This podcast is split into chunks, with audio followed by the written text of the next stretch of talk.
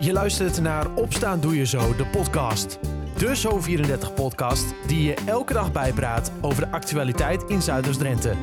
In een klein kwartier ben jij weer helemaal op de hoogte. Het is woensdag 2 november 2022. Dit is Opstaan Doe Je Zo, de podcast aflevering 278. Zon en wolken wisselen elkaar af. Het blijft grotendeels droog vandaag met een graad of 15. Met in het Zuidoost-Drentse nieuws. In Schonebeek zijn gisteravond plannen gepresenteerd voor nieuwe woningen op de plek van de voormalige MAVO aan de Pienhoek. Er moeten 17 woningen komen. De bouw kan eind volgend jaar beginnen. Zometeen meer nieuws uit Zuidoost-Drenthe en je hoort onder meer over de avondschool in Emmen. Maar eerst naar steun voor de voedselbank. Want iedereen met een energiecontract krijgt namelijk in november en december twee keer 190 euro als energiecompensatie. Een steuntje voor degenen die het nodig hebben om de rekening te betalen. Maar niet iedereen heeft die 190 euro echt nodig. En daarom doet de voedselbank een oproep. Doneer dat bedrag aan ons als je het kunt missen. Ton Sleking is voorzitter van de Voedselbank Zuidoost-Drenthe. Uh, Ton, dat is in het kort wel een beetje de oproep, hè? Ja, dat klopt. Uh, er zijn natuurlijk, uh, dat blijkt ook wel uit allerlei cijfers, heel veel mensen, ook in Drenthe, die dat geld hard nodig hebben. Mm -hmm. Dat merken we ook in de toename van het aantal klanten bij de Voedselbank. Ja. 430 op 1 januari en 610 vandaag de dag. Dus dat, dat is een enorme stijging. Ja. Wij we zijn afhankelijk van, van grotendeels van donaties en van producten die we aangeleverd krijgen van de supermarkten. Het aantal klanten neemt toe, producten nemen af. Dus we hebben de noodzaak om meer voedsel bij te kopen. En dat is de reden dat we gewoon veel donaties nodig hebben. Mm -hmm. Er zijn, zullen zeker mensen zijn, zoals je zegt, die, uh, die 100, twee keer 190 euro niet nodig hebben. Of misschien een deel ervan niet nodig hebben. En onze oproep is inderdaad van, uh, denk alsjeblieft aan ons dan. Ja, want als ik uh, jouw verhaal zo hoor, dan komt het dan uiteindelijk op uh, nou, linksom of rechtsom toch weer bij de mensen, mensen die het wel echt heel hard nodig zijn. Jazeker, want dat blijkt al uit die enorme toename van het aantal klanten. Hè. We zien dat gewoon per week stijgen. En daar zal ook de algemene inflatie een grote rol in spelen. Maar in ieder geval is het zo dat we merken dat veel mensen op dit moment uh, ja, puur in de armoede zitten en niet meer in staat zijn om voor zichzelf een goede maaltijd uh, te kopen elke dag. Ja.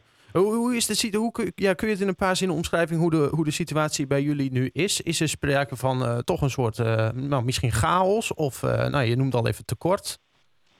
Nee hoor, chaos niet. Wij hebben 160 vrijwilligers aan het werk en die doen allemaal hun stinkende best om het goed te laten lopen. Mm -hmm. Maar wat ik net al zei, van we, we hebben te maken met een toenemend aantal klanten aan de ene kant.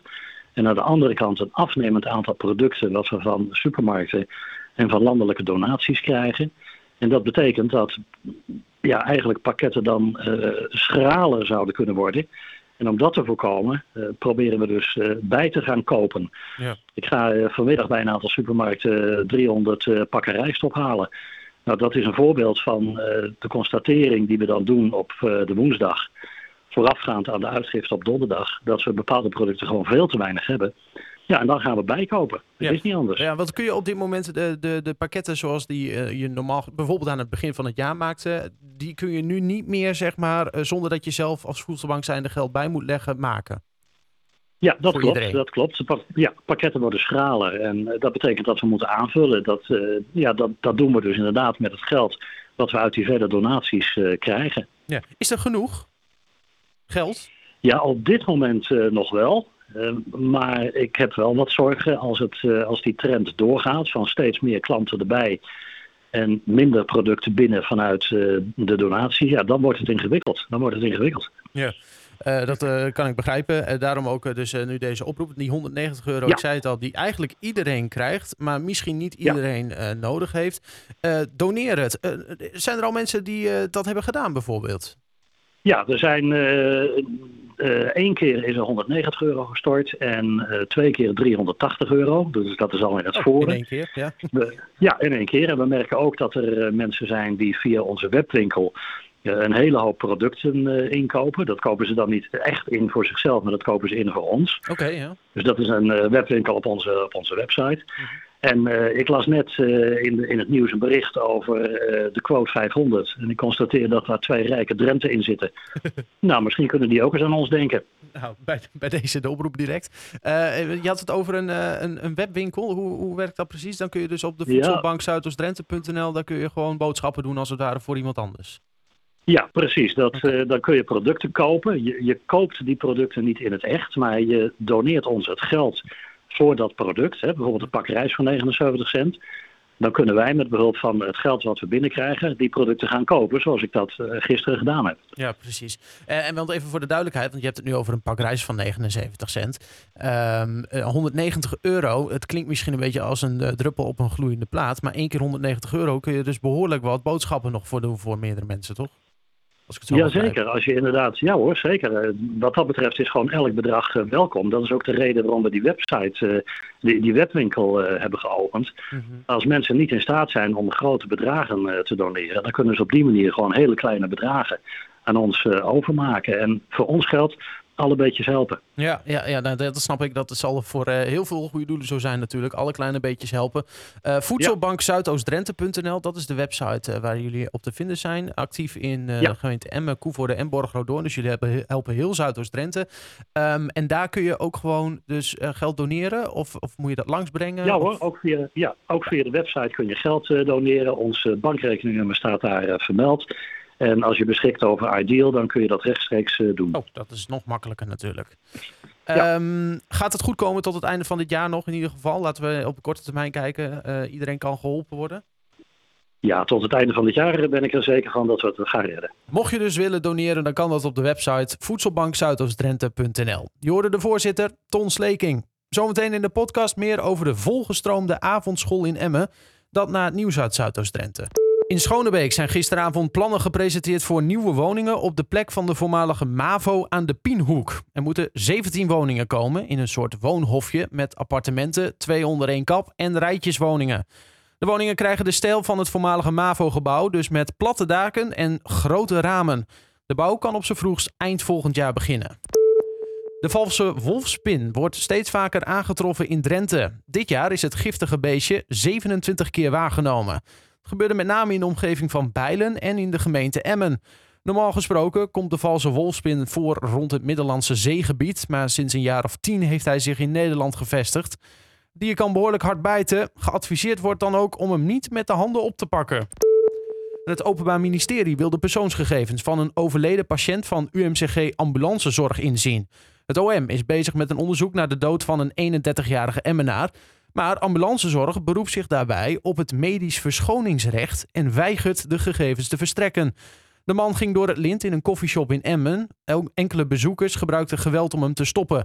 De man overleed een paar uur later in het ziekenhuis. Over twee weken beslist de rechter of het OM de gegevens in handen krijgt. En de ondernemersbroedplaats Growing Emmen moet noodgedwongen verhuizen om te voorkomen dat het de deuren moet sluiten. Op de huidige locatie zijn de energiekosten te hoog waardoor het nu verhuist naar een pand aan de Bukakkers.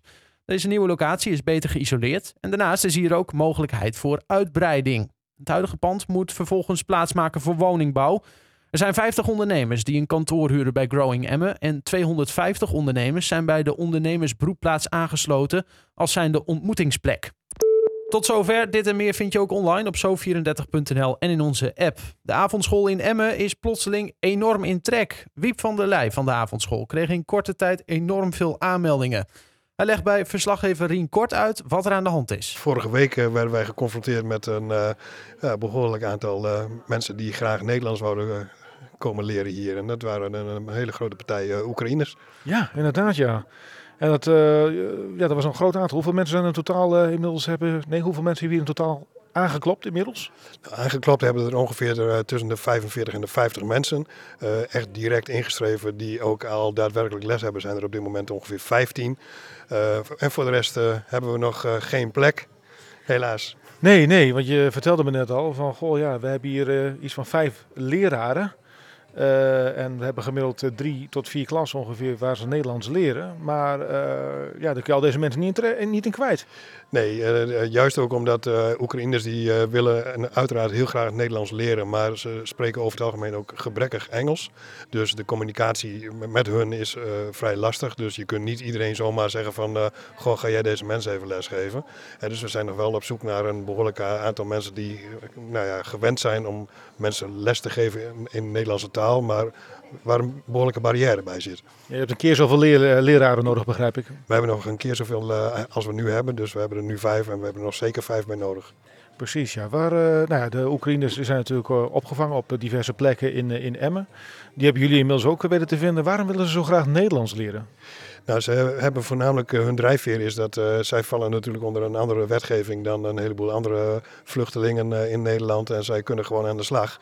Alleen dan is het, de, de taal is voor hun echt een barrière. En dat, daarom willen ze heel graag Nederlands leren, zodat ze nou ja, in zoveel mogelijk bedrijfstaken aan het werk kunnen. Ja, precies ja. Maar uh, dan moeten jullie neven kopen en zijn er opeens wachtlijsten. Ja, nu moeten wij helaas neven kopen. We moeten inderdaad eerst die vrijwilligers op orde hebben en dan uh, kunnen we door. Aldus Wiep van der Leij van de avondschool in Emmen in gesprek met verslaggever Rien Kort. Meer hierover vind je ook op onze website zo34.nl en in de app. En in het Stedelijk Museum van Koevoorde is een nieuw stuk toegevoegd aan de tentoonstelling De Vesting Heroverd. Een origineel trommelvel uit 1672. Verslaggever Anna Ivis sprak met museumdirecteur Rick Klauke hierover. Het is een heel uniek object, want het is ook inderdaad een object uit de 17e eeuw. Eh, die te maken heeft bij, uh, ja, met het ontzet. Het is een trommelvel. Um, je moet het zo zien dat in die tijd uh, de trommelaars ook de mars aansloegen of liederen speelden. En ook bij het ontzet van Koevoorde. En het bijzondere is dat het trommelvel wat we nu hier hebben hangen... Um, eigenlijk een soort oorlogsbuit is van uh, Jan Sikkingen. En Jan Sikkingen was een officier die betrokken was bij het ontzet. En de nabestaanden van, uh, van Jan Sikkingen hebben eigenlijk dat trommelvel nog steeds in bezit. Dus daarom is het ontzettend uniek. Want het is echt iets wat uh, nou ja, misschien wel gezien en gehoord en geproefd heeft... hoe het ontzet van Koevoorde ging. En uh, dan is er nog iets heel bijzonders mee, want dit is de Prinsenmars, toch? Ja, als je dat goed hoort op de achtergrond, dan, uh, dan hoor je de, de, de trommelgeroffel. Uh, waarom, is dat, ja, waar, waarom is dat bijzonder voor Koevoorde? Ja, nou ja dus in zoverre is dat bijzonder dat de Prinsenmars zou je kunnen zien als de voorloper van het Wilhelmus. Um, en uh, het bijzondere voor Koevoorde is dat er gaat een verhaal rond. En of dat echt waar is, ja, dat is uh, verschillende meningen over. Maar dat de Prinsenmars geslagen is bij het ontzet van Koevoorde. Waardoor de vijand dacht van, hé, hey, uh, de Prinsenmars, oh ja, dat is oranje inderdaad. Dus de stad is al heroverd. Maar dat bleek een list te zijn, uh, waardoor de vijand zich sneller heeft overgegeven. of dat waar is, weten we niet. Maar het is wel een heel mooi verhaal wat rond het ontzet van Koevoorde hangt. En daardoor hebben we dit inderdaad, dit thema. dat specifieke geval van de trommel en de Prinsenmars. Dat hebben we er even uitgelicht om, uh, om het verhaal te vertellen. En ook een replica van de trommel hebben we staan. Uh, stokjes, de, de, trommelstokjes uh, en het nu ook het trommelvel van de, van de familie Sikkingen. Aldus Rick Klauke, museumdirecteur van het Stedelijk Museum in Koevoorde. Meer over dit stuk en ook over de tentoonstelling over de geschiedenis van de ganzenmarkt in Koevoorde... lees je bij ons online op zo34.nl en in onze app. Tot zover Opstaan Doe Je Zo, de podcast van woensdag 2 november 2022. Ik wens je een fijne dag en tot morgen.